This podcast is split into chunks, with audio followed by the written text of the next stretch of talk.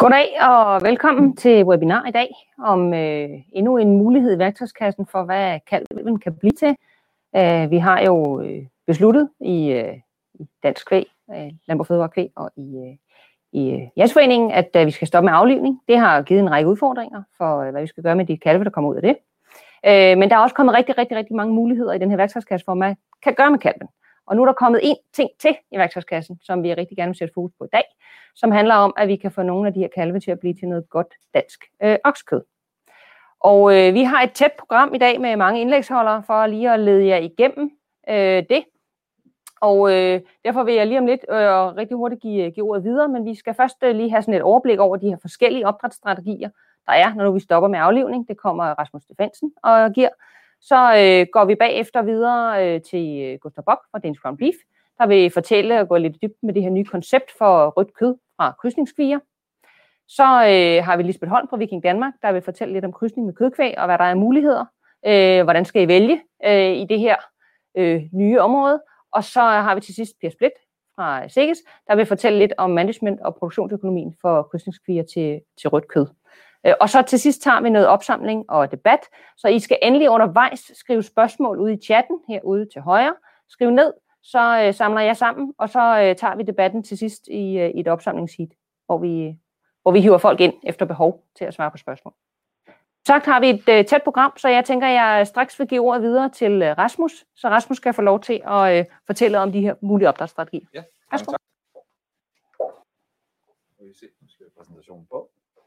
Jamen, jeg vil øh, fortælle lidt om de mulige opdrætsstrategier, der er øh, nu her med brancheaftalen, der træder i kraft for nytår, øh, uden stop af aflivning, uden stop af, aflivning af jastyrkald.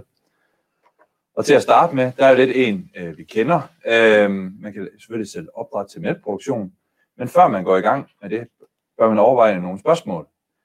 Har jeg mulighed for at omdanne kvigepladser til kosengebås? Fordi en malko kan alt lige betale noget højere dækningsbidrag per sengebås end en kvige. Har jeg staldkapacitet, eller kan jeg skaffe billig staldkapacitet til flere opdræt? Det er meget vigtigt for økonomien i øh, at sælge opdræt. Har jeg harmoniarealet til flere opdræt, og kan jeg også skaffe fodret? Men også en vigtig ting er, om man at kigge ind her og så se, jamen, at min kvier er en god nok kvalitet til salg i dag. Øh, der øh, er nogen, der oplever, at der bliver plukket meget i flokken rundt omkring. Og det er jo ikke helt det, der er hensigten, når man sælger kvier. Det er, at man gerne vil af med den nederste del af kvierne. Men også en rigtig vigtig ting at sætte fokus på, det er også jamen, at have undersøgt sin fremstillingspris på kvierne, så man kan se, jamen, giver det her profit, eller er det en underskudsforretning? Og til at give et hurtigt indblik i, hvad, hvad fremstillingsprisen er på jeres kvier, der er der, har sat et link ind her øh, til en applikation, der kan give jer sådan et hurtigt overblik ude på bedriften. Men hvis man så vælger at gå i gang med de her øh, med salg af opdræt til mælkeproduktion, så er der forskellige muligheder. Et, det er selvfølgelig eksport af mælkekvistkvier og køer, som vi kender traditionelt set og har gjort i en del år. Øhm, det vi ser lige nu, det er, at der er et større udbud end efterspørgsel, specielt ved Jersey. Men der, og der er også den her risiko for nedlukninger i perioder, både lokalt på bedriften, men også øh, nationalt, som vi har set tidligere. Og hvad gør man så? Der viser nogle af vores økonomiske undersøgelser, at det kan have meget store økonomiske konsekvenser for bedriften, hvis man ikke kan, kan få afsætning. En forholdsvis ny mulighed for salg og opdræt til mælkeproduktion er mælkekvistkrydsninger mellem tung race og Jersey. Det er en ny mål, mulighed, der undersøges nærmere i Dairy Cross-projektet. Og sådan rent konceptmæssigt fungerer det ved, at man øh, på sin allerbedste dyr selvfølgelig laver renrassede dyr øh, til indsættelse i mælkeproduktion, men på mellemgruppen krydser med tung race som jersiproducent. Og så sælger de her F1-krydsninger til en anden mælkeproducent, der ønsker nogle lidt mindre dyr, fordi han har en stald med små sengebås eksempelvis. Og den mælkeproducent øh, krydser så kun med kødkvæg. Det betyder, at man så derved som Jersey-producent får en fast øh, afsætning af de her opdræt, fordi at den modtageren kun inseminerer med kødkødskrydsninger. Og så til sidst er der selvfølgelig også en mulighed, vi har set gennem de senere år, det er raceskift fra tung ras til Jersey. Igen typisk øh, kommer et ønske om at få nogle lidt mindre køer i nogle øh, gamle stalle. Man kan sige her, det er kun en midlertidig afsætningsmulighed, fordi når man så sælger opdræt, det er jo typisk kun 2-4 år til den pågældende besætning, indtil den er selvreproducerende. Øhm, så det er jo sådan lidt bare kort og godt om, hvad muligheder man har for salg og opdræt. Og så vil jeg bevæge mig lidt nærmere på emnet øh, for i dag, som er salg af opdræt til speci- specialiseret kødproduktion. Det man ved og har set i slagtresultater, øh, det er, at slagtkvaliteten forbedres markant ved krydsning med kødkvæg på mælkkør, frem for renrasset øh, mælkekvægs øh, tyrkalde. Og vi har sådan lidt to typer kødproduktion i Danmark. Den ene, det er kalvekød, som nok mange af jer kender, de her unge dyr under 12 måneder i meget høj vækst. Og så en lidt mere øh, ukendt blad, øh, oksekød, øh, som bliver sat, bliver sat mere fokus på i dag, øh, i form af ældre dyr, der typisk er over 16-18 måneder med lavere tilvækst og muligvis på afgræsning. Men den vil jeg prøve at gennemgå de her to øh, øh, muligheder. Hvis vi starter med salg og opdræt til den intensive kalvproduktion, jamen det er en produktionsform, der eksisterer i dag, men er udfordret på økonomi. Kalvene afsættes typisk ved tre ugers alderen til en formidler eller slagtkalvproducent, øhm, og brug af intensive kødkvæstraser gør dig mest attraktiv i DMS afregningsmodulet og også over for slagtkalvproducenter. Det kan man også se på en anden måde med de to billeder, jeg har taget med ind her af kødkvæstyre. Vi kan se tyren til venstre, den hvide tyr, den har meget muskelfylde på bagpartiet og giver de her, de her ønskede egenskaber i slagtkalvproduktionen. Hvor tyren til højre mere øh, har nogle andre forser, men der er ikke lige så meget fylde og høj tilvækst, øh, men har nogle andre forser i forhold til øhm, øh, øh, lette kældninger osv. Men ved at bruge de her tyre, der giver nogle lidt større kald og hvad hedder det, har mere muskelfylde, jamen hvordan påvirker det som en kør, bliver vi tit spurgt om. Det har vi lavet en undersøgelse af med data fra kvættertilbasen fra de seneste tre år, og resultaterne viser helt tydeligt, at der ingen effekt er af kødkvæskallen på køernes ydelse, sammenlignet med en renrassekældning. Det vi ser i forhold til kodødeligheden, det er, at der er en mindre effekt øh, på kodødeligheden ved jersi ved korrekt anvendelse af kødkvæstyre, men der er ingen effekt på Holstein. Det vi så ved jersi, det var en 1 procentpoint højere øh, kodødelighed ved, efter tyrkald og en halv procentpoint ved kvikalde. Men det er vigtigt for mig at understrege, at de her estimater formodentlig er overvurderet på grund, på grund af den måde, kødkvæg anvendes på i besætningerne. Og det skal forstås på den måde. Det er jo meget selekteret, hvad det er for nogle køer, der får kødkvæg. For man starter med at vælge dem, man vil have fremtidens malkøer på, og så resten for kødkvæg. Og den selektion kan vi ikke tage højde for øh, i de her øh, undersøgelser. Den eneste måde, hvis det var, at vi skulle komme helt til bunden til det, det var at lave et stort randomiseret forsøg, hvor kødkvæg og malkvæg blev anvendt tilfældigt i nogle besætninger. Så anbefalingen er herfra at bruge kødkvægstyre med varedeklaration øh, i form af højt krydsning, eller X-forløb og X-mælkproducent. Det er indekser, der øh, får kødkvæstyre anvendt til malkvæg, så det er faktiske data ud fra jeres bedrifter, der er brugt til at lave de her krydsningsindekser. Og så er det også vigtigt at holde sig for øje, at hvis man går i gang med høj anvendelse af hundelig kønsorteret malgræssæd og handelig kønsorteret kødkvægsæd ude på malkbedrifterne, så vil man opleve forskel mellem i kodødeligheden mellem det at få en, øh, en kødkvægskald og en renrassekald. Men det skyldes ikke det faktum, at det er en men på kønseffekterne i stedet. Fordi jeg oplever også i dag ved renrassekældninger, at der er højere kodødelighed ved renrasset øh, tyrkald frem for renraset kvikald. Og så lidt her et slide omkring, hvordan, jamen, at det, øh, omkring krydsningsindekserne, at de virker. Og det vi så ved februar-evalueringen øh, her i, øh, i år, det var, at vi havde 18 intensive øh, kødkvægsreststyre med et X-forløb over 100. Så det betyder, at muligheden for jer i, i at vælge kødkvægstyre med et højt X-procent og X-forløb, de er blevet markant bedre. Og det er ikke mindst også øh, på grund af, at der er sat nogle avlsprogrammer i gang. Og der kan jeg blandt andet nævne, at Viking Genetics er gået i gang for for eksempel blokkvæg, øh, hvor det er mest, hvor de har været i gang længst, øh, men også for Chevrolet Angus, og jeg ved også, at de har gang i andre raser. Øh, der er de sat et avlsprogram i gang for det her med kødkvæg anvendt til malkvæg, og det er ekstremt vigtigt for, at vi får en fremgang for det her, ligesom vi har set ved malkvæg. Og til at underbygge det, jeg har sagt, der har jeg vist en tabel nedstående, som viser, øh, hvor jeg har øh, skitseret øh, kældingsforløbet, der er vurderet ud på bedrifterne ved jeres i førstkalskør mellem tyre og kvier. Og så har jeg taget krydsningstyre og kvier fra blokvæg på Jersey og opdelt efter, om tyren havde over eller under øh, X-forløb 100. Og vi ser jo helt tydeligt, at forløbsscoren falder, når vi bruger tyre med X-forløb over 100. Så det betyder, at kællingerne bliver lettere. Faktisk, krydsningskvier født efter tyre med indeks over 100 i X-forløb, de er jo på niveau eller bedre end jeres i førstkaldskældninger. Og ser vi også på livskraften, så ser vi også en forbedring på 2 procentpoint øh, flere kalde, der overlever fødslen. Så det viser, at der er en stor positiv effekt af at bruge det her krydsningsindeks X-forløb øh, på kødkvæstyrene.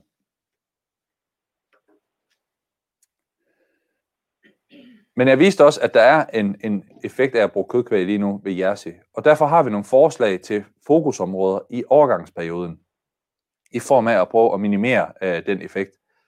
Det kunne være, at man skulle kigge på golkofodring. Kunne vi kigge på fasefodring af goldkør, ensartet hul og anbefalet hul ved, kæld, hul ved kældning, omkring kældning med godt kældningsmanagement og design af kældningsboksen for at undgå kældningsstress, start laktation med opstarterhold og tilpasset opstartsfodring, og ikke mindst genetik. Øhm, her er det vigtigt at gå ind og have varedeklaration på sin tyre for et højt x-mælkproducent og x-forløb. Fordi x-mælkproducent er ja, hvad skal man sige, det totalt økonomiske indeks for mælkproducenten og sikre, at man får nogle gode kældninger. Men det er også vigtigt at understrege for mig, at man også skal selvfølgelig bruge nogle tyre uden indekser, øh, fordi vi skal jo finde fremtidens tyre. Men så brug tyre for et afprøvningsprogram, så man er sikker på, at man ikke bare har plukket nogle tyre fra et, et hvad hedder det, et kødkvæg, renraset kødkvægsprogram, men fra nogen, der målrettet det her kødkvæg til malkvæg. Og så tage en snak med din produktions- og avlsrådgiver om dine muligheder. Det er, jo, det er jo en rigtig god mulighed for at sætte sig sammen, og så sætte sammen en strategi for, når man skal til at bruge meget kødkvæg, jamen hvordan løser vi så det her? Og så min sidste slide, før jeg giver ordet videre til, til Gustaf i form af det her, øh, som også er emnet i dag med oksekødsproduktion.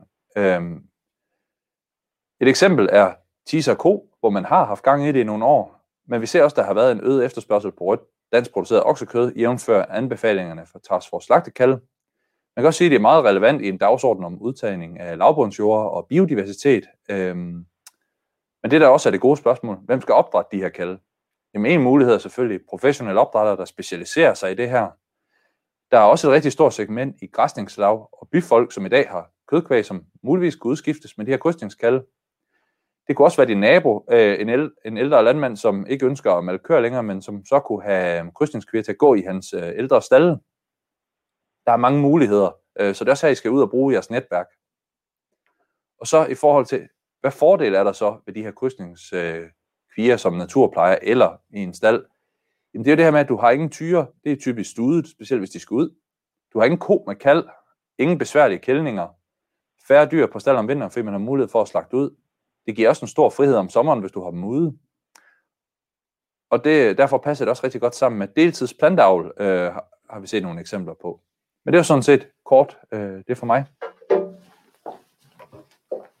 Godt. Jamen, øh, mange tak for det, Rasmus. Det var dejligt, så fik vi lige sådan et overblik her over, øh, hvad der er af muligheder. Og så øh, har vi Gustav Bock fra Dansk Ground til at gå lidt i dybden med de her øh, nye koncepter, og specielt premium kvierne, som jo er, er det spændende nye mulighed for at lave noget mere kød herhjemme. Tak, Line. Jamen, jeg vil give jer lige en uh, tur ind i vores uh, nye tanker omkring et nyt uh, koncept, uh, som vi arbejder med i øjeblikket.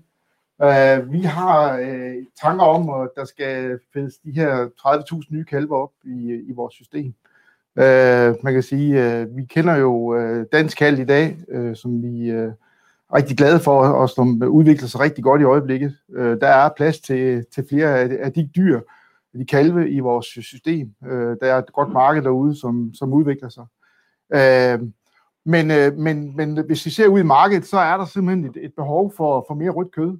Øh, vi har faktisk en situation i markedet i dag, hvor vi, øh, hvis vi kigger ud i køledisken, så importerer vi i Danmark det, der svarer til side cirka 300.000 dyr fra, fra udlandet i forskellige steder, primært Sydamerika, Irland, og øh, det kunne være sjovt, om vi kunne skære lidt, lidt ned, og så putte noget mere dansk kød ud i køledisken. Og derfor så har vi udviklet det her koncept, uh, Premium Queer, som vi tror på kan give noget øh, øh, uh, super kød uh, i køledisken. Og uh, de er der er i gang med en slagter en kvige der derhjemme på, på gårdene, de ved godt, at det er super kød. Uh, og det er egentlig det, vi skal have med ud i, uh, i vores, uh, til vores forbrugere og vores kunder. Det er der, det skal, hvad hedder det, skal have værdi. Og øh, det er også øh, i vores perspektiv selvfølgelig også, øh, nu var Rasmus inde på det, både i forhold til nye muligheder, men også, vi ser også det her som øh, et, et, et bidrag til, at vi kan udvikle vores, øh, vores virksomhed sammen og skabe noget mere værdi øh, i, vores, øh, i vores produktion. Så øh, budskabet herfra er det overordnede, det er, at vi skal, vi skal kæmpe med det udlandske kød, vi skal have sparket det ud af køledisken, og så skal vi have noget mere lokalt ind i, øh, i butikken. Øh, på sliden her ser I også, at vi faktisk har også øh, et, et plads til flere af, af, vores, øh, af vores økologiske dyr, Øh, vi har faktisk mangel på dyr i øjeblikket. Øh, det kan vi ikke lige lave om på lige nu. Men, men vi har faktisk et, et, et, et, en efterspørgsel på, på flere økologiske dyr. Og det er sådan, at 5.000 de kalve, der fødes op i vores dansk kalvsystem, faktisk er økologiske. Dem vil vi gerne hæve ud. Så er der jo plads til flere øh, gode øh, krydsningskalve. øh, fra jer mælkeproducenter, øh, og øh, den vil vi gerne have fedt op i det økologiske system, og det arbejder vi også hårdt på øh, i øjeblikket. Vi har store efterspørgsel fra Tyskland til det, man kalder jungbullen, øh, altså unge tyre, øh, men selvfølgelig også kvier og, og økologiske stude. Uh, hvad er det så, uh, hvad er det, lige for lige, lige at dive ind i den der, det der røde kød, hvad er det, vi mener med det? Jamen, uh, fordi vi har jo masser af dansk kald, men det er simpelthen et, et, et forbrugerkrav eller forbrugerønske, også fra vores uh, food service, at vi får noget mere rødt kød i, i køledisken. Det er det, der bliver efterspurgt. Øh, men det er også øh, et, øh, et, et spørgsmål om, at det røde kød også har en, en, øh, en mørhed og en øh, fedtmarmorering også på sigt, der gør, at vi kan, vi kan sælge det til en, til en højere pris. Og øh, det er jo noget af det, vi kommer til at, at snakke om i de, de kommende måneder og år. Hvordan er det, vi får udviklet et rigtig godt øh, oksekøds, øh, rødt oksekødsprodukt, som indeholder hvad hedder det, øh, højere værdier, både på, på fedt og fedtmarmorering omkring det. Og øh, det, det er jeg sikker på, at vi kommer til at diskutere øh, de, de, de, øh, i de kommende tid. Ja, hvad er det så, vi, øh, hvad er det, vi ser som løsning øh, for jer som øh, mælkeproducenter? Jamen det er jo egentlig, at, at vi jo gerne have, at I overvejer sammen med jeres øh, rådgiver, hvordan, hvordan de her dyr, de skal, de skal øh, udvikle sig. Vi ser en mulighed for, som også øh, Rasmus var inde på, øh, og Lisbeth kommer tilbage til, med, med, med det nye øh, X-indeks øh, for, på dyrene, at vi får egentlig får splittet vores produktion lidt op, at vi får flere tyrekalve ind i, øh, i vores øh, dansk kalv, øh, koncept til fordel for, for hvad hedder det, den øh, høje tilvækstproduktion, øh, der ligger i dansk kald. Der skal vi have nogle dyr ind, som er mere ensartet. Det vil også give en større rationalisering i vores dansk øh, kaldsystem. Og så skal vi have de her kvier over i et øh, nyt øh, kontraktproduktion, øh, så vi får en, en mere øh, ensartet flow af, af dyr ind i, øh, i, vores, øh, i vores røde oksekød. Og det, øh, når jeg lige siger kontraktproduktion og flow og kontinuitet, så er det også der, hvor der ligger nogle, nogle helt klare koncepter, at vi skal have noget kontinuerligt øh, produktion ind, og med en vis volumen, for at det her giver mening. Og derfor også, det vi nævner de her tal på 10, 15, måske endda 20.000, kunne vi godt bruge allerede. Øh, men, men vi har ved også godt, det, det tager lille tid at, at udvikle de her kvier. Og, øh, og hvad hedder det? Derfor så ser vi den her, om vi kan få dem her opsplittet, så vi ligesom får tyrene ind i vores dansk kalkproduktion, og kvierne ned i vores, øh, i vores nye øh, øh kvikoncept. Så hvad er det for noget, vi gerne vil? med, med de her kvier, jamen, øh, og hvad er det for nogle, nogle tilbud, kan, du, kan I også komme ud til at sige til vores andelshavere i, i, de, i de kommende måneder? Jamen det er egentlig, øh, hvad hedder det, øh, fire pakker kalder vi det. Vi er godt klar over, at mange af jer ikke øh, bare lige nu her, øh, som også Rasmus nævnte, kan, kan omstille jeres produktion og har plads til, til, til alle dyrene i, i, i jeres produktioner. Og derfor går vi også ud og sige, at de er der kan producere 3 måneders kalve øh, til det her koncept, der vil vi gerne gå ud og lave aftaler med det så, så vi for husly øh, hos andre producenter i en opstartsperiode. Det kan også være, at det er en midlertidig øh, aftale, man kan lave, indtil I selv finder, finder plads til de her dejlige kvier. Øhm, så der vil vi gerne gå ud og, og lave aftaler med, med vores øh, elsaver i den sammenhæng. Så det, det, det, det, er den, det er den første fase, kan man sige, øh, hvor vi vil ud og, og finde kvierne. Næste, det er jo, at, at, hvis der er nogen, der vil de stedet producere dem, har pladsen, har de gamle stalle måske en en ejendom nummer to eller tre, som er købt og står stille, og det kan være, at den, den gamle ejer stadigvæk bor i, i, øh, i boligen, og gerne vil øh, stadigvæk have, være aktiv og passe dyrene, jamen så er der jo også mulighed for at selv at, at fede dem op og gøre den færdig øh, efter, efter de retningslinjer, som er der. Øh, og det, den, den tredje pakke, det er jo så de her nye producenter, som vi ikke øh, kender endnu, men, men, men jo øh, selvfølgelig også leder efter, så kender I nogen, eller har I selv interesse i det, så, øh, hvad hedder det, så må I endelig sige til. Vi vil gerne øh, finde, ligesom vi har i dansk hal, nogle producenter, der specialiserer sig i det her. Og, og Rasmus nævnte jo også de her nye arealer, som vi har, og kommer ind i, i, i, vores, i vores produktion, øh, hvor vi kan udnytte dem øh, til den her produktion.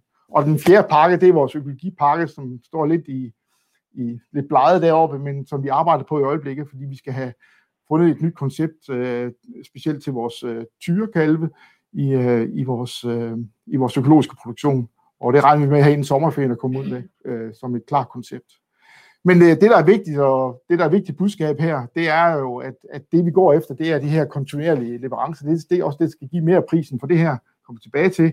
Og det er selvfølgelig også, at vi har nogle kunder, som, som gerne vil have en ensartet vare, og det er vi sikre på, at det er, at det er den her produktion givet til. Vi er vant til, I er vant til at producere kvier efter nogle, nogle helt specielle øh, og præcise retningslinjer. Det ved vi, det kan vi gøre her, så vi får det ensartede produkt til kunderne. Og så er der selvfølgelig også det her med, at vi kan udvikle det, ligesom vi har gjort med dansk kald hen over tid. Øh, der er nogle øh, forskellige elementer, der kunne være rigtig interessant. Det kunne være øh, at få kvierne på græs. Øh, det kunne være at øh, producere efter non-GMO, hvis vi skal eksportere den øh, senere hen. Men der er sådan nogle fremtidsmusik, som, som selvfølgelig ligger i konceptets muligheder. Men det vi fokuserer på, og det der er helt klart budskabet, det er, at vi skal have noget dansk rødt kvalitetsoksekød. Det er det, vi går efter. Så øh, hvad er, hvordan ser det der røde danske kvalitetsoksekød ud? Ja, mange af de her elementer øh, kender I formodentlig i forvejen, men altså, det er jo de her dyr, der ligger på de her øh, øh, lidt over 20, 20 måneder. Vi vil gerne have en, en slagtevægt på de her øh, omkring 280, 250, 280 øh, kilo. Øh, vi skal have noget farve øh, på den, og det er jo derfor, vi siger rødt. Så, øh, så hvad hedder det? Øh, det er, det er nærmest øh, adgangsbilletten til, til det her koncept, det er, at de har farven. Øh, vi skal også have noget, noget fedme i den. De må helst ikke blive for fede, øh, de unge damer. Så, øh, så hvad hedder det? Vi skal have noget, vi skal have noget øh, balance i den, øh, i, i den fodring. Øh, og det, det, er der, det er der flere kloge hoveder end mig, der kan, kan sige noget om. Men, men, men det er også øh, det er vigtigt, at, at, øh, at vi får kigget ind, og det står også som sådan lidt øh, fremtidsmusik, øh, og vi regner med faktisk, eller vi arbejder allerede på at, at kigge på det her med afregning efter fedtmarmorering, og det vil, det vil komme på øh, i løbet af et, et år eller to, og, og kunne det. Så, så vi får det ind i, i det her kvalitetsoksekød. Så er fremtidsmusikken derovre til højre, øh, om, det er, om der er uden medicin, eller GMO-fri, eller på græs, det er sådan ikke så afgørende i øjeblikket. Vi skal have basiselementerne på plads. Det røde danske øh, øh, oksekød, øh, det røde kød, det skal vi have på plads først. Så hvad er, hvor, hvad er det, vi går med her? Øh, man kan sige, vi, øh, vi, vi arbejder med øh, at lave øh, vores, øh, en, selv, en selvstændig notering ovenpå øh, på dansk kald. Øh, der står plus en krone. Det, nu står der, det kan også ende i både 2 og 3. Det ved vi ikke endnu, men det er sådan det, vi tænker, tænker ind i lige i øjeblikket. Øh, vi arbejder med en tidsplan, der siger, jamen øh, de producenter, der står med, med kalve eller tre måneders kalve derude i øjeblikket, jamen det må vi, det må vi tage og tage en snak med, finde husly til, Øh, men, øh, men allerede fra, fra hvad hedder det, 22, øh, forsommer 22, regner vi egentlig med, at vi kan, vi kan modtage dyr. Øh, men, men hvad hedder det, øh, man kan sige, selve konceptet og, og måden og, og skal man sige, den systematiske produktion og ud mod kunderne, ja, den starter i foråret 23. Det er jo også her, man kan sige, hvis I regner månederne frem, så er det der, det, det er realistisk. Øh, og øh, at vi i, i løbet af 23 kan, kan starte med at og, og, hvad hedder det, levere dyr ind i, i, i konceptet til kunderne. Så øh, det er en langsomlig øh, opgave, vi er i gang i her, men, men det, er, det er jo vigtigt, at vi får jer med øh, på, på den her leg, og det er vigtigt, at øh, vi sammen får udviklet det her koncept øh, fremadrettet. Yes. Godt. Jamen, øh, mange tak, Gustav, for den her introduktion til konceptet, og hvad der ligger i det her målskiven på det, som vi gerne skulle kunne ramme. Så har vi fået Lisbeth med, der gerne vil fortælle lidt om, øh, hvad man så skal vælge avlsmæssigt, strategimæssigt, når man skal krydse kødkvæg og malkekvæg, og det er jo noget af det, vi faktisk er virkelig dygtige til her i Danmark, har arbejdet på i en årrække og blive gode til. Så uh, take it away, Lisbeth. Tak. Og det er lige præcis uh, det er lige præcis det, I er. I er jo allerede i fuld gang med at, øh, at anvende det her kødkvæg. Nu skal vi lige have teknikken også med, så vi får vores PowerPoint på. Tak. Øh, I er i fuld gang ude i besætningerne med at anvende en masse af det her kødkvæg. Og der er det jo vigtigt, at man stadigvæk holder for øje, at det aller, aller vigtigste som mælkeproducent, det er jo, at man får lavet de øh, renraset på de bedste hunddyr. Det er det, der er illustreret på den her figur, at man stadigvæk måske bruger X-Vik øh, på de allerbedste genetiske hunddyr, så vi sikrer selv at beholde de bedste dyr til at malke på øh, i næste generation. Det, der så ligger lidt længere nede i, øh, i den her kurve, jeg viser, jamen der kan man bruge kødkvæg, og det er I fuld gang med at gøre. Øh, og det er jo noget af det, vi snakker allermest om, når vi er på avlsbesøg i dag, det er jo faktisk, jamen, øh, hvilke, hvilke køer skal jeg gøre med hvad, og få lavet de her strategier. Og som mælkeproducent, der har I utrolig mange muligheder, som de, der har været før mig, også har været inde på. Øh, man kan lave renraset til livestock, man kan lave til tyr, man kan lave nu også til rødt oksekød. Øh, og der er det jo vigtigt, at man kigger sammen med sine rådgiver på øh, besætningens rammer, sin management, men ikke mindst også sin reproduktion. Hvad har jeg egentlig af råderum til at gøre noget? De her fremtidens kalve, de har jo også en morrace. Have et blik for, jamen er det, er det, er det store, tunge krydsningskøer, jeg har, så er det måske en type øh, Øh, eller nogle egenskaber ved, ved farrasen, man skal kigge på. Hvorimod har jeg en Jersey-race øh, som morrace, så er det måske lidt andre ting, man skal kigge på. Helt taget få, få sat sine strategier, øh, og jeg har nævnt flere dernede af, og, og, øh, og Simhørt er jo et rigtig, rigtig godt redskab til også at få, få sig hjulpet til at blive klar på, hvad er det egentlig det bedste, den bedste strategi for mig ud fra mine givende rammer. Og det hele det effektiverer, øh, bliver, bliver jo synligt ude i insemineringsplanen, øh, så man har et redskab, der er let at styre efter, så man ikke hver eneste dag skal tænke på, skal jeg nu gå til højre eller venstre, men man har lavet den her langsigtede strategi sammen med sin avlsrådgiver, og så kører det jo i insemineringsplanen. Man kan sige, at vores øh, rådgivning er baseret på faglighed, øh, og derfor er X-indekset øh, vores centrale omdrejningspunkt. Det er jo sådan ved kødkvæg, der er X-indekset det samlende indeks, ligesom vi jo kender fra NTM eller, eller andre totalindeks. Øh, alle de økonomiske ting, der har betydning hele vejen igennem værdikæden, jamen dem får vi jo løbende implementeret ind i det her øh, X-indeks. Øh, det er jo faktisk øh, Sikkes Kvæg, der også øh, står for den del, og senere igen ind i afregningsmodulet.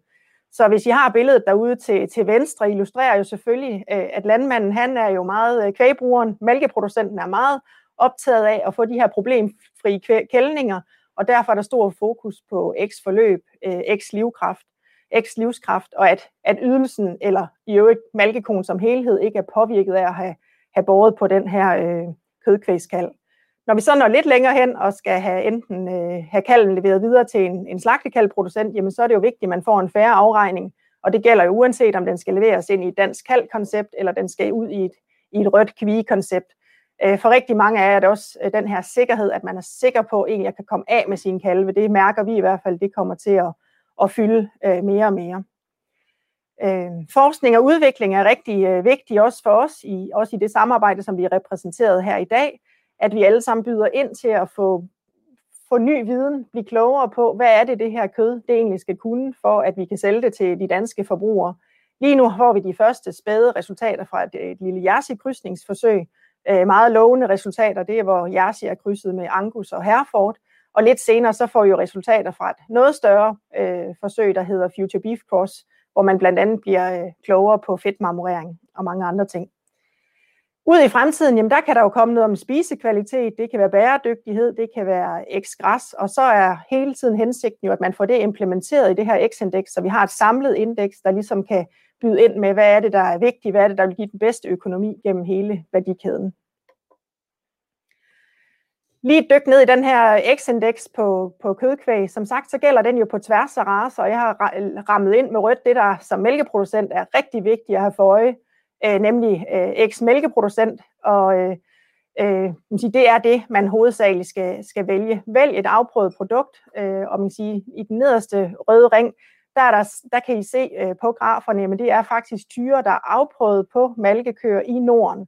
Det er her, vi får den aller, aller største sikkerhed, både for, at man får en, en letfødt kald, men også kan levere noget videre, der egentlig giver værdi. Så hold øje med de indekser. Det er faktisk øh, jeres sikkerhed for, at øh, I får noget værdi øh, puttet ind i de her kalve. Ved øh, kødkvæg, øh, der har vi ikke én race, der kan det hele som farerace. Så derfor bliver man nødt til at fokusere på egenskaber og ikke på racer. Øh, ved svinene, det er jo meget simpelt. Der har man Duroc som den, man krydser på øh, i sidste led.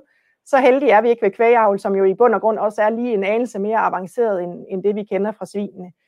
Så, øh, så kig på egenskaber og ikke på raser. Øh, få lavet den her strategi som mælkeproducent, øh, så du ikke skal tænke over ved inseminering, hvad er det, der skal foregå. Hold fokus på avlsmål og x-indeks. Øh, der vil komme flere egenskaber på sigt, og have for øje, at avl er bare ekstremt langstrakt, så vi kan ikke trylle og sige, nu vil vi lige pludselig en helt anden retning. Og så er det jo vigtigt, at I som kvægebruger kan se nogle af de her muligheder, kan se noget indtjening, øh, både for jer, men også at øh, vores andelsselskaber, de kan afsætte noget, og dermed på sigt måske give jer en endnu bedre betaling for de her produkter. I øh, Vikings avlsprogram, øh, jamen der har vi øh, de senere år kørt et, øh, et intensivt avlsprogram øh, for specielt blokkvæg. Det var ligesom den første race, man, øh, man øh, kom i gang med. Øh, de har rigtig, rigtig mange positive egenskaber, både når man ser som mælkeproducent, også når man ser som, som slagteproducent. Øh, de er en anelse foran de andre raser med at have et effektivt avlsprogram, men vi er godt på vej og kan også levere ind i Chevrolet og Angus, øh, Hereford og Blonde. Så øh, kig på X-indekset og, og fordel jer lidt på raserne. Der er ikke en race, der kan det hele, så, så tit vil det også være, hvor ligger man lige sin vægt henne øh, på, hvad er det, øh, man skal bruge. Fremtidsmusikken her, nu har Gustav snakket meget om fremtidsmusik. Vores fremtidsmusik er jo, at man kan tage det bedste fra flere verdener, så vi vil lave nogle, nogle insemineringstyre, hvor øh, det kan for eksempel være en, en dansk blå på en, en Hereford, øh, eller det kan være en Chevrolet på en Angus, så simpelthen far siden bliver en krydsning ind på vores malkekøer.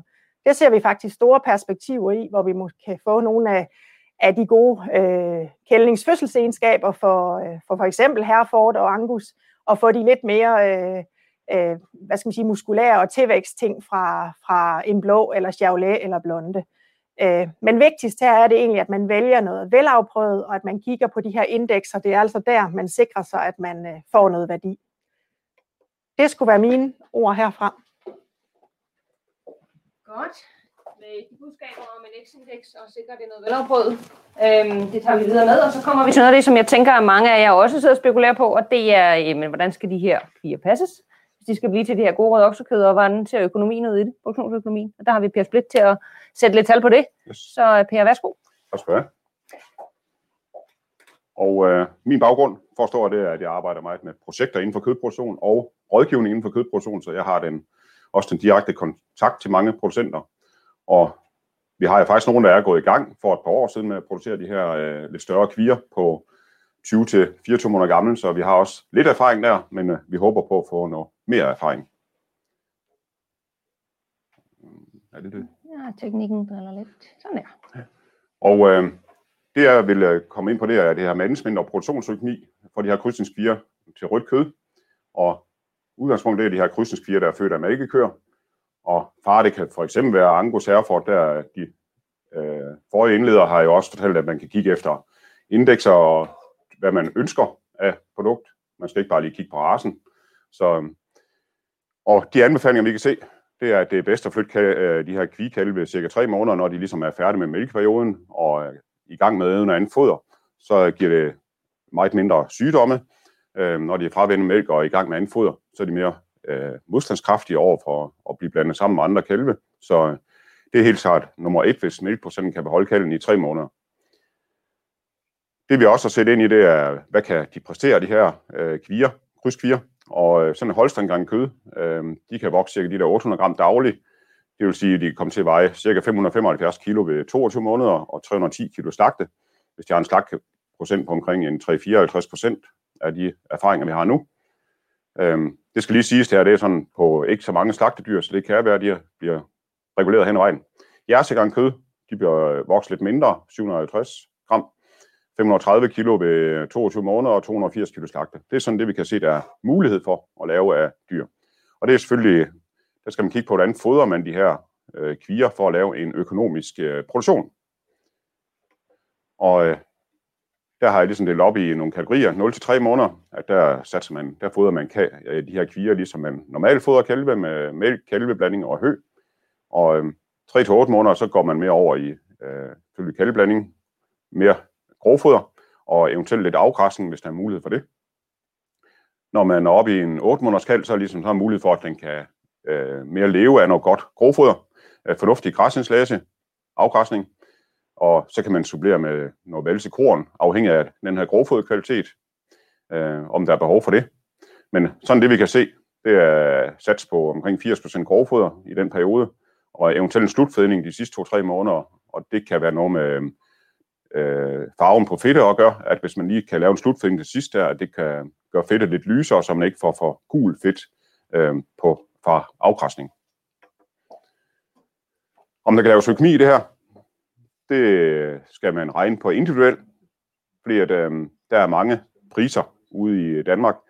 Øh, man skal købe den her kalv ved tre måneder, er det vores udgangspunkt, og så skal man bruge de her brugte stalle, som også Rasmus var inde på. Øh, der er mange tomstalle ude i vores fædreland, øh, der er nemmere at bruge til krydsningskvier. De er nemmere at bruge til kvier, end de er at bruge til tyrkalve, fordi at, øh, der er jo sådan en tyrkalve øh, i en, i en øh, brugt sengebåsstald. De vander jo op under maven, og der er nogle af de her kostal, der er ikke faldt i sengebåsene, så de passer bedre til at lukke nogle hunddyr ind i. Og hvis målet er også, at de er på græs øh, cirka 5-6 måneder om året, jamen så øh, er det jo ikke så mange måneder, de skal være i den her stald. Det er helt klart, at inden for, ligesom inden for andre produktioner, så skal man holde omkostningerne nede. En enkelt fodring med øh, fornuftige græsindslag og mineraler om vinteren, det fungerer egentlig rigtig godt. Og så afgræsning om sommeren. Græsningslager, det kan også være for eksempel bygge ærtehælsæd eller andre ting. Men fordelen det er, hvis det er noget, der sådan proteinmæssigt kan gå alene. Hvis man går over i for eksempel for mig, majsindslag, så er man nødt til at skal have noget andet protein ind i foderplanen. Så der skal man tænke på, hvordan kan man gøre det billigst? Og det kan man selvfølgelig få hjælp til. Så er nogen, der spørger til, øh, hvad arbejde? Er der med at passe sådan nogle kvier? Hvis man har kvier fra 3 måneder til 22 måneder, 24 måneder, jamen, øh, så er der ikke nogen mælketildeling, så det er rimelig enkelt at passe sådan nogle kvier. Der er forhåbentlig heller ikke ret meget sygdomsbehandling i sådan nogle kvier. Så øh, det vi ser ud i praksis, så kan en person øh, normalt passe de der 5-800 kvier, hvis det sådan er fornuftigt rationelle stalle. Så i dag ved vi, at vi kan få slagtepræmier op til, der, der må de maks være 16 måneder, de her kvier. Der har vi en udfordring med de nuværende regler, at vi gerne vil have hæve slagtepræmie alderen på kvier. Det bliver der, Landbrug og Fødevare, det arbejder vi også for, at den bliver hævet øh, alderen på kvier. Men øh, det kan være Ida, hun lige har kommentar om det til sidst. Øh, den her opfordring til, at man regner på økonomi, der har vi så øh, allerede fået lavet et lille værktøj, der ligger på Landbrugsinfo, og øh, hvor man kan gå ind og sætte sin egen tal ind. Der ligger sådan en basisberegning derinde. Der opfordrer vi til, at man så går ind og sætter sine egne tal ind i den her øh, øh beregning, og se, hvordan man kan lave økonomi i det her. Det der er mange faktorer. Hvad koster foder? Hvad koster øh, øh, husleje? Hvad koster øh, tidsmæssigt at passe de her kvier? Der er mange forhold, men øh, vi har forsøgt at lave en basisberegning derinde, og så kan man gå ind og sætte sine egne tal ind. Så det vil jeg opfordre til, og så ikke man selv, så kan man få hjælp fra sin rådgiver også der. Og øh, der er lige vist lidt tal fra økonomi, øh, øh, sådan krydskvier sådan overordnet, og som I kan kigge på, og øh, hvad, hvad sådan kvier de vejer, når de kommer ind ved tre måneder, og slag, hvor lang tid man har kvierne osv. Så, så og spørgsmålet er, hvad er der behov for at have et DB på at lave sådan en slagtekvige på 22-24 måneder gammel. Og DB, det skal jo dække det her husleje, løn og forandring. Og vores bedste bud nu øh, for, at det skal være en produktion, der er, er øh, det er nok, man skal mellem, sted mellem 2 og 2.000 og 2.500 kroner per produceret kvige i DB, som så bliver spredt ud på de der, man har kvine cirka 20 måneder. Så har jeg også et projekt, øh, som er i gang, og øh, formålet med det projekt, der hedder krydsningskvier som naturplejer, det er selvfølgelig øh, for at afprøve, kan de her kvier komme ud og lave noget afgræsning på de her lidt ekstensive arealer, og som i politisk så øh, lyder til, at det kommer flere af de her arealer, som skal plejes, lavbundsarealer og andre arealer, og der kunne man godt bruge nogle af de her krydskvier til at, at afgræsse dem. Og formålet er at ligesom forbedre økonomien og reducere klimabelastningen på oksekødsproduktionen på naturpleje, øh, gennem effektiv anvendelse af de her krydsningskvier til at lave noget højkvalitetskød, som vi også har været inde på. Og målet er at demonstrere produktionen af krydskvier i praksis og lave de her produktionsøkonomi og klimaberegninger på denne produktion. Og det sammenligner vi så med nogle alternative oksekødsproduktioner. som det kommer der nogle tal på her i løbet af den næste års tid. Tak skal I have.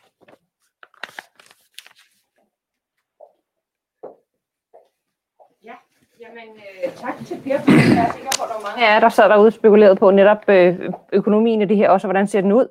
Vi har også fået et enkelt spørgsmål faktisk øh, i, øh, i chatten fra Tommy Vemmelund, der øh, siger, at jeg har lavet et budget på en meget billig stald med græsfodring og afgræsning med slagtealder på cirka 20 måneder. Budgettet gav øh, cirka 0 kroner til mig med nuværende afregning. Hvordan skal man så finde økonomi i det med 1 krone ekstra? Jeg ved ikke om, øh, ja, der er lidt til, til Per og til Gustav, men hvis du nu starter, Per, som jeg sagde i mit indlæg, så bliver det selvfølgelig arbejdet på at få den her slagtepræmie øh, alder på kvier sat op. Det at hvis man mangler, hvis vi ser slagtepræmien, den er omkring 1000 kroner, og hvis man mangler den, så er det jo, det er jo 3-4 kroner per kilo. Så den er jo, det er vigtigt at have den med. Og øh, så det håber jeg, det kan lade os gøre rimelig snart at få den hævet. Fordi at, øh, det er svært med den nuværende økonomi og afregning at få øh, et DB til sig selv med den, med den nuværende prismodel der. Yes.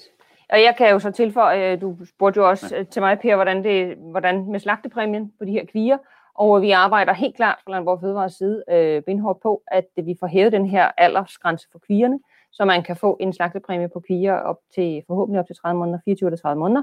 Det er det, vi arbejder for.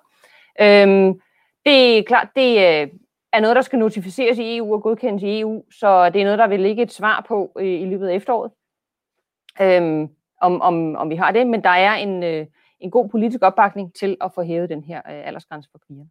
Så øh, det er klart vigtigt for økonomien i det her. Gustav, vil du øh, komme til i forhold til det her med den ene krone der? Ja, jeg tror, jeg, jeg kan godt være, at jeg lige får sagt mig lidt, at øh, det er jo ovenpå en ny øh, kvinotering, vi etablerer. Øh, og øh, det gør nok også øh, beregningen lidt bedre, det håber jeg i hvert fald. Så satser vi også på, at øh, den generelle notering skal rejse sig her, når vi kommer ud af coronakrisen. Så, så samlet set, så, øh, så håber vi jo, at vi lander et eller andet sted, uden at jeg skal stå og love, hvad prisen bliver om tre år, Øh, eller om to år, at øh, vi, øh, vi ligger i det her 25-26 kroner kiloet på, sådan, på sådan et dyr her. Du kan godt blive stående, Gustav, for der er også kommet et, et spørgsmål her fra Anne Jensen, der spørger, hvis mælkeproducenten vil føde kalven op til tre måneder, laves der så en specialnotering til kalve, leveret til premium kalveproduktion? For med den nuværende notering, så, øh, så er der nok ikke god økonomi at få dem op til tre måneder, selvom det måske er det, der er bedst for, for både kalv og, øh, og produktion. Ja, det er jo det, vi håber. Det er jo egentlig, at, øh, at vi kan få, ligesom vi, øh, vi har i DMS i dag på, på, på øh, slagtekalvene, den skal, så kan vi få en, en, en, en notering på, på sådan en, en kvigekalv. Og øh, det vil jo give mening, at, at hver skal man sige, øh, køn har sin, sin, sin, sin afrøringsform, øh, og, øh, og det håber vi, at vi kan få, få etableret, så, så der har sin egen notering. Ja, ja. jamen øh, der er også potentiale der for videre arbejde. Ja.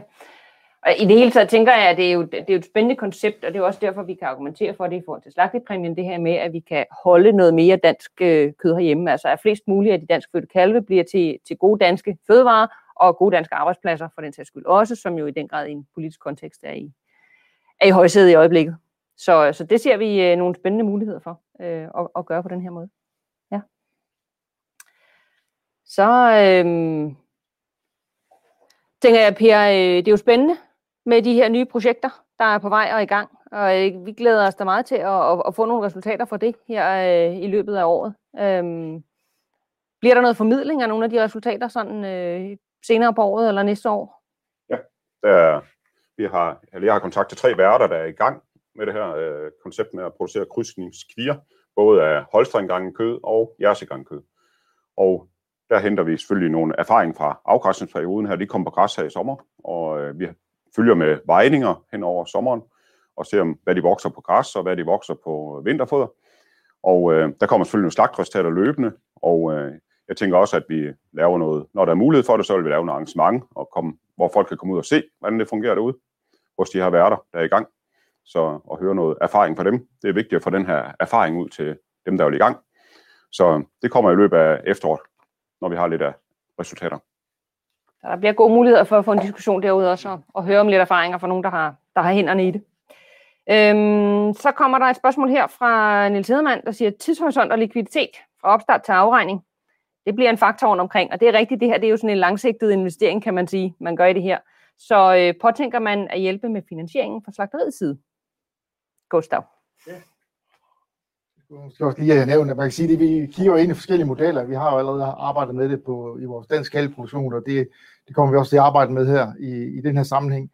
Uh, jeg tror godt, jeg kan sige, at, at dem vi selvfølgelig vil prioritere først, det lyder måske lidt forkert, men det er jo dem, der sætter det hele på spil, øh, de nye øh, uh, ungdyrsproducenter. Der vil vi nok uh, gå ind og, og, og, og skabe noget sikkerhed for deres uh, produktion, så meget vi kan. Uh, i, I hvert fald startende med, med den kald, de sætter ind, øh, eller det ungdyr, de sætter ind i, i deres produktion. Og øh, derfra så, øh, så har vi nogle forskellige diskussioner med foderstoffer og så videre, hvordan vi kan, vi kan gribe det an. Men øh, vi er godt klar over, at det er et, et, et likviditetstung øh, produktion, så hvor vi skal have fokus på, hvordan vi kan, vi kan understøtte øh, producenterne i at, at opbære den her produktion i, en, øh, i 20 måneder. I hvert fald for, for dem, der har øh, kalden i hele livet. Ja. Yes, så, så der, er, der, er, der er nogle forskellige modeller på beding. Yes det er klart, det her det er jo et, øh, det er jo et nyt koncept, der er udvikling, og der er, vi bliver klogere hele tiden. Der er nogle ting, der skal falde på plads, men, men det regneark, du præsenterede, Per, er en god mulighed for at gå ind og sidde og, og lege lidt med økonomien i det her, og sige, hvor skal jeg sætte ind, hvis jeg skal kunne, kunne se noget økonomi i det her? Og så er det jo også øh, i forhold til selve strategien og de her mange muligheder, som, som Rasmus præsenterede i starten, så er det jo endnu en mulighed i værktøjskassen. Så der er sådan noget mulighed for at lave en, en helgardering her, ikke? og satse på lidt forskellige ting, som man ikke øh, putter alt på et bræt, øh, sætter alt på sort eller rødt her. Så på den måde er det, er det et spændende nyt værktøj. Og helt sikkert noget, vi kommer til at øh, både snakke mere om, høre mere om, øh, når vi bliver klogere her i løbet af, af de næste måneder på, på de her forskellige faktorer. Så øh, der er ikke så mange flere spørgsmål i chatten, ser det ud til. Lige umiddelbart. Så det tager jo lidt tid, før øh, der kommer respons ind. Er der nogen, der øh, spekulerer sådan øh, helt konkret på netop, hvad, hvad skal jeg gøre? Øh, hvordan kommer jeg videre?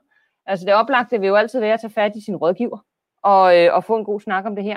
Det kan jo både være avlsrådgiver, det kan være øh, sin konkrete produktionsrådgiver. Hive fat i dem og sige, hvad kunne vi egentlig se af muligheder her?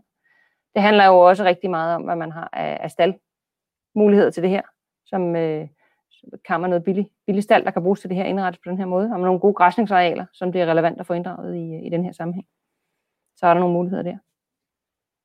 Gustav, du vil gerne lige, Bare lige supplere og sige, at altså, hvis der er nogen af jer, der står og går i tankerne, vi, øh, vi, vi kigger også ind i og siger, hvordan øh, i og med, at der er så stor usikkerhed også, øh, det har også øh, nogle af de andre indeksholdere, der har nævnt omkring produktion og sådan noget. Der, så hvis der er nogen af jer, der allerede er i gang med kalven, og har nogen, der er på vej ud og på vej op, så er vi også friske på at tage en dialog med jer og sige, jamen, øh, skal vi øh, finde øh, husly til nogle af de øh, kalve, vi er allerede ved at producere, for vi har også brug for erfaringer, vi har også brug for at få de dyr ind, så vi kan se de forskellige kvaliteter, øh, og supplere over mod des, øh, de forskningsprojekter, som, øh, som også Lisbeth og, og Rasmus og, og Per har nævnt. Så øh, grib røret, ellers så øh, kunne det også være, at vi, vi, vi, hvis vi hører rygterne ude i byen, eller ude på landet, at der er nogle af jer, der har dyrene derude, øh, så kunne vi godt finde på at, at finde husly til dem hos nogle andre producenter, som, som er måske lidt mere specialiseret, kigger ind i det her, så vi kan få lavet nogle tester, nogle, nogle forsøg, hvad skal man sige, forsøg øh, på, hvordan øh, det er at producere de her kvier. Så øh, I må endelig sige til, hvis der er noget, der, der spiller der. Yes, godt. Der er også øh, kommet en enkelt spørgsmål til dig, Lisbeth. Øh, det er Martin Hvid, der spørger, X-græs, hvad, hvad er det for et begreb? ja, det er et, endnu et fantasigreb, øh, begreb, kan man sige. Men det er jo, hvis nu øh, Gustav eller øh, DC, et andet slagteri måske lige pludselig siger, at vi vil give 5 øh, eller 7 kroner mere, hvis et dyr har været på græs, jamen så kan det jo godt være, at vi avlsmæssigt også skal have en linje, der arbejder hen imod øh, nogle egenskaber, øh, der er rigtig godt, hvis man vil have dem ud på, på noget græs intensiv, ekstensiv græs, eller hvad det kunne være. Og så skal vi jo have det ind i X-indekset. Så det er sådan lidt, øh, hvad skal man sige, stadigvæk øh, noget, der er på tegnebrættet, fordi vi jo efterhånden, som vi ser efterspørgselen, får det ind i de her indekser, så vi kan begynde at afle efter det. Jeg har faktisk et spørgsmål mere til dig. Nå, så bliver jeg der bare. Her, ja, fordi der står i forhold til mælkeproducenterne. Kunne det så ikke være muligt at inseminere med X-Vik kødkvæg for at sikre en nem kælvning? Og det har vi faktisk på lager. Øh, det er ikke det, vi har oplevet den største efterspørgsel på, fordi på vores øh, kønssorteret sæd, der har vi jo en lidt højere pris, og nogle gange, når vi når hen i at skal bruge kødkvæg, så er vi måske også henne øh, på nogle af de insemineringer, hvor vi har været ude i at inseminere måske en, to, tre gange, øh, og så er det jo bare øh, lige øh, en anelse bedre at bruge en almindelig konventionel dose. Men vi har x på lager øh, lige nu af Herford, tror jeg, og måske lidt Angus, Øh, men øh, tag en snak med, med avlsrådgiveren igen, så er der altså muligheder for os at bruge øh, X-Vik øh, kødsæd. Ja, og så spørger øh, Margrethe Terkelsen, der er vi nok over til Gustav, så øh, slagtevægt optimalt på 280 kilo. Hvad er baggrunden for det? Jo, det, det, jeg tror nærmere, det, det, man kan sige, baggrunden det er, det er jo, det er jo sådan ud fra forbrugersiden, og de, de øh, størrelser på dyrene og de kødstykker, vi får, får ud af det dyr, der kommer, vores forventninger til det. Øh, og så er det nok også øh, udfordret i, at øh, nogle øh, raser måske vil øh, skal, skal med op og, og ramme øh, øh, hvad skal man sige, den her vægtgrænse, mens andre måske løber over. Vi har allerede hørt, at, at der er nogle af de lidt større raser, øh, øh, der er krydset ind øh, allerede når det ved 16 måneder, øh, hvis de får noget godt foder. Så, så det er sådan en balance, vi ser ind i lige nu, men vi vil gerne have den øh, i, i det der range, øh, og det er simpelthen et, et, et forbrugerperspektiv. Ja, det med afsætning af produkterne er jo Ja. ligesom essensen i det her, at Det er det. skabe den palette af produkter, som spiller ind i, i hvad der rent faktisk bliver efterspurgt. Og, øh, og der er det jo netop, som du nævnte, de her 300.000 kreaturer, vi importerer kød fra, hvor vi faktisk gerne vil ind og erstatte noget af det. Og det kræver jo så, at man, at man rammer den palette. Øh, Det er af jo den, det, er den, det er en størrelse, der kommer ind. Det er det, jeg skal man sige, kødstykker, der kommer ind, det, det har de her øh, udskæringer. Og øh, derfor så er det også det, der det ligesom er, er gamet her, at vi, vi- at vi tager det her forbrugerperspektiv, eller markedsperspektiv, og siger, hvad er det, hvordan er det, vi kan skubbe, øh, skubbe det her kød ud, hvis vi ellers kan få vores øh, kunder, øh, detailhandlen om, at, at de skal gribe det her. Og der har vi allerede fået positive tilkendegivelser øh, på, de, på de første ting, vi har præsenteret. det ville jo være dejligt, hvis vi kunne netop få noget mere dansk kød i, øh, i køledisken. Det har vi alle sammen sådan set en, en, en ambition om, at det kunne være dejligt. Rasmus, du vil også gerne kommentere her? Det var, bare lige, det var lige faktisk lige et skridt tilbage til spørgsmålet til Lisbeth før med det her Express øh, totalindeks B. Øh, man kan sige, at i dag har vi nogle redskaber til dyr, der skal blive ældre faktisk, fordi igennem det nordiske samarbejde i afsværdievurdering, der har vi svenskerne og finnerne, der i forvejen laver dyrene 16-20 måneder eller endnu ældre. Øh, så man kan sige, at de krydsningsindekser, når vi får data deroppe, de er faktisk baseret på lang periode. Hvis man går ind på Nordisk Afsværdievurderings øh, søgeside for Beef and Dairy, så vil de faktisk også kunne vælge indekset for lang periode. Øh, så det er to, totalindeks, man kan sige, der er målrettet den lange periode for øh, mælkeproducenten. Og så kan man sige, i forhold til så de øh, supplerer i forhold til eksgræs, jamen kommer der øh, et koncept, der efterspørger det her, jamen, så kan det også godt være, at vi skal, ligesom vi har ekslagt, den er målrettet meget slagkaldproduktion, men det kan være, at vi skal have sådan et begreb, hvor, der, hvor alle de økonomisk vigtige egenskaber, når du skal, skal på græs eller blive ældre, at det er nogle andre egenskaber, der skal i fokus, jamen, så må vi have to indekser øh, til det, men det er jo meget afhængigt af, hvad der er efterspørgsel fra slagterierne. Øh, så skal vi jo, og hvad økonomisk værdi der er i de forskellige ting. Yes. Nå. Fie Gravgaard spørger også ind til, øh, hvad med stude? Kan de ikke også have en øh, god høj kødkvalitet? Sådan sammenlignet med tyre i hvert fald. Og kunne man ikke forestille sig noget lignende det her, øh, hvor man havde studen ind? Eller hvad skal der ellers ske med de her tyrekalve, der jo også kommer ud af krydsningerne? Så øh, der er jo nogen, der ryger dansk kalv. Ja, og der var også 10.000 mere på, på listen her. Men, øh, men hvad med stude? Jeg ved ikke, om der er flere holdninger til det. Ja, flere indgangsvinkler. Jeg kan godt lige kommentere det. Og øh, i det øh, regnestykke, vi har lavet, der er faktisk også mulighed for at regne på studeøkonomi. Og øh, det kan være en rigtig god løsning for, øh, hvis man har krydset med de lidt mere øh, øh, ekstensive raser, såsom Hereford Angus for eksempel, så øh, synes jeg, det kan være en god idé at lave stude, og også lukke dem på græs og fodre dem med grovfoder, ligesom kvierne, og de kan gå sammen med kvierne uden problemer.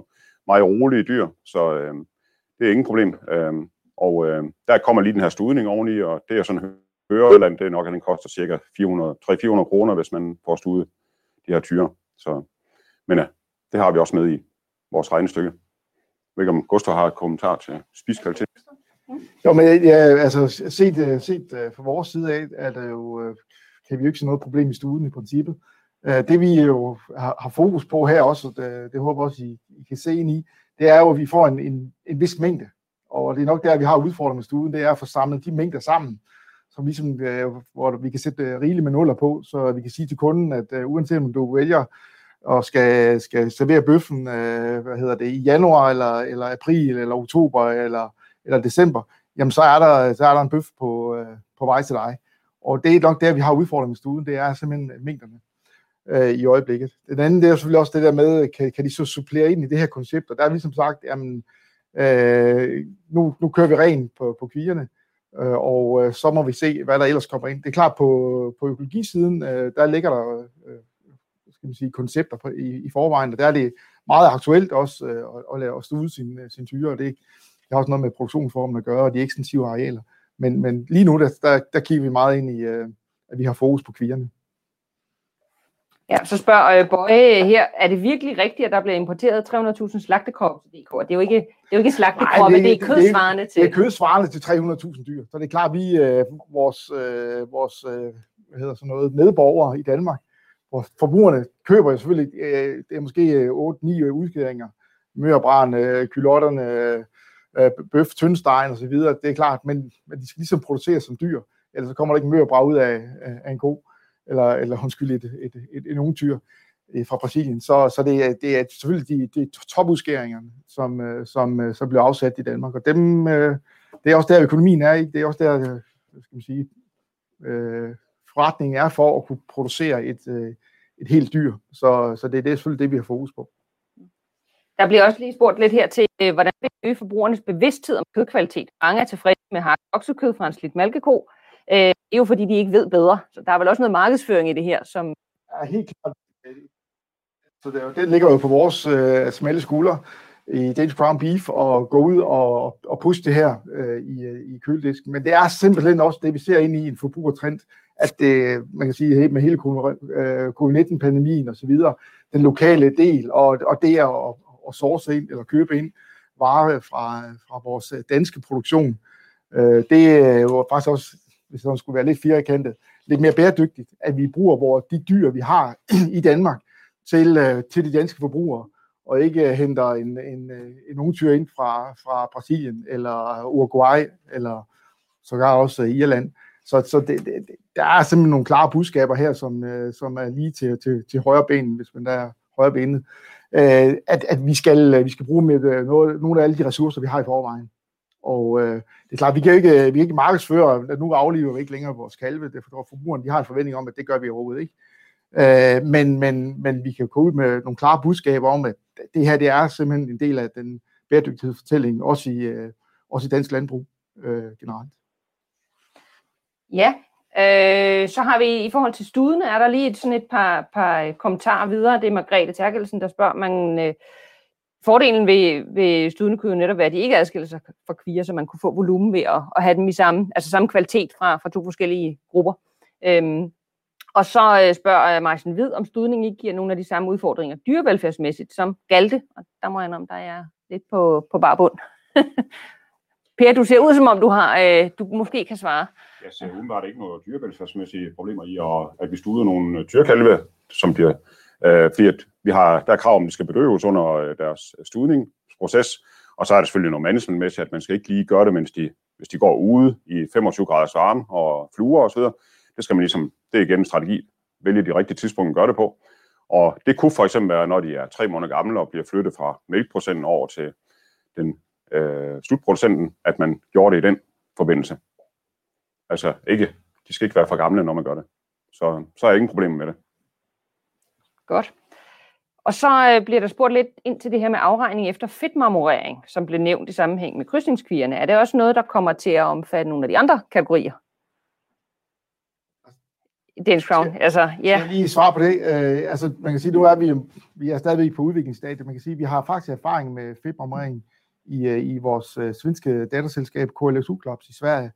Øh, det er så ikke så rationaliseret. Det er stadigvæk mennesker, der sidder og kigger og vurderer øh, fedtmarmoreringen her. Men, men øh, det, der gør vi det både øh, på øh, skal man sige, oldjordsproduktionen og på øh, oksekødsproduktionen. Og øh, jeg tror, hvis jeg sådan lige skal pege ud i fremtidsmusikken, at, øh, at det er noget, vi skal øh, vi kommer til at kigge ind i øh, og blive en del af afregningen også i, i fremtiden. Fordi det er noget med, at vi kan løfte vores kvalitet øh, af vores øh, røde oksekød generelt øh, til forbrugerne. Og der er en forventning om, at det på den måde skal, det skal have noget mere værdi. Men øh, som vi også lige diskuterede i studiet her, inden vi gik på, så tror jeg, at, øh, at oksekød, øh, det er også ligesom rødvin. Der er nogen, der vil have det lyse, der er nogen, der vil have det, det helt rene, øh, uden fedtbomringer i, og der er nogen, der vil have det der spækket med fedt, øh, og det, det, det er meget fantastiske møre.